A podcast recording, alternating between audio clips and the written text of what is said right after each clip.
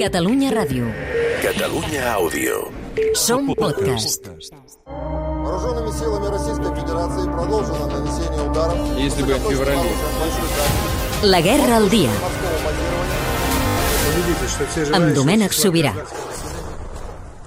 Sortida de Mykolaiv cap a Kherson, l'última gran batalla perduda pels russos, la ciutat alliberada divendres convertida en símbol de l'avanç ucraïnès.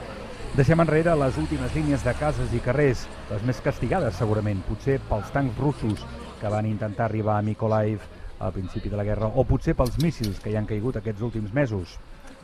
Passem un control policial franquejat perquè integrem un comboi del Ministeri d'Interior i ens endinsem cap a una terra de frontera, mai millor dit, d'una frontera que fins fa poc estava en disputa. A banda i banda de la carretera hi ha extensos camps de cultiu dels cereals que han fet d'Ucraïna el graner d'Europa, i una mica més enllà també, segurament. Però no hi ha ningú, no hi ha activitat en lloc. Potser és normal, no és temporada de collita. És la consciència que hi ha una guerra que li dona una pàtina de desolació que si no fos així potser no la veuríem. De tant en tant ens creuem algun cotxe, això sí, i ens preguntem si són soldats que van o tornen del front. Ens han explicat com les famílies, els amics i veïns compren cotxes pels soldats de casa perquè puguin desplaçar-se més ràpidament. La carretera està erosionada per sotracs, algun cràter reomplert de grava i les constants marques de les erugues dels tancs que han esgarrapat tot l'asfalt. Restes de barricades en alguns vorals, algun cotxe cremat, un altre patge en l'aire entre les runes d'un pont d'autovia esfondrat. No gaire lluny d'on hi ha un viaducte també inservible ara, destrossat.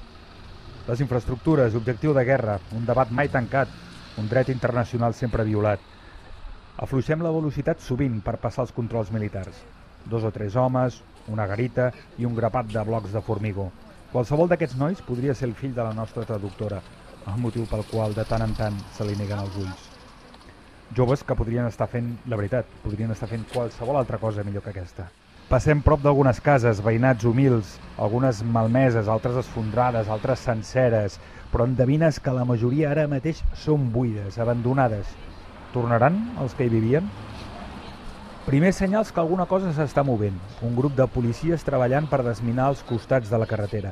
És la primera prioritat per evitar que creixi la xifra de 10 persones mortes a la regió per mines o municions que han quedat escampades. L'administració ucraïnesa comença a desplegar-se per recuperar els serveis, restaurar els ponts, però ara encara queda aquella sensació que estàs en terra de ningú.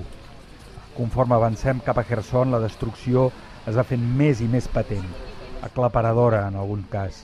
Absurda, pensem, quan ens preguntem com podem ser capaços de tanta destrucció. Вооруженными силами Российской Федерации продолжено нанесение ударов Если бы в феврале. La guerra al dia. морского базирования Amb Domènec Sobirà.